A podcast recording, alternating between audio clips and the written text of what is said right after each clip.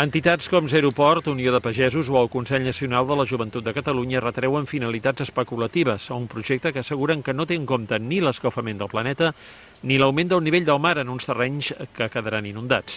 El catedràtic emèrit d'Ecologia de la Universitat de Barcelona, Narcís Prat, ha explicat que l'estany de la Ricarda és un ecosistema únic, divers i no replicable. La construcció d'ecosistemes artificials normalment és un fracàs els sistemes són únics i llavors quan els tu els intentes replicar surt una altra cosa, no et sortirà una Ricardo.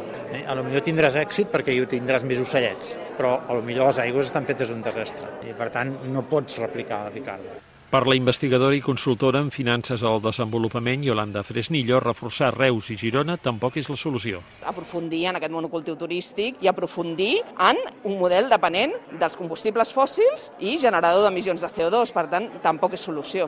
Els organitzadors de l'acte han defensat un model de creixement no tan orientat a construir grans infraestructures pensades pel turisme, sinó a diversificar l'activitat econòmica.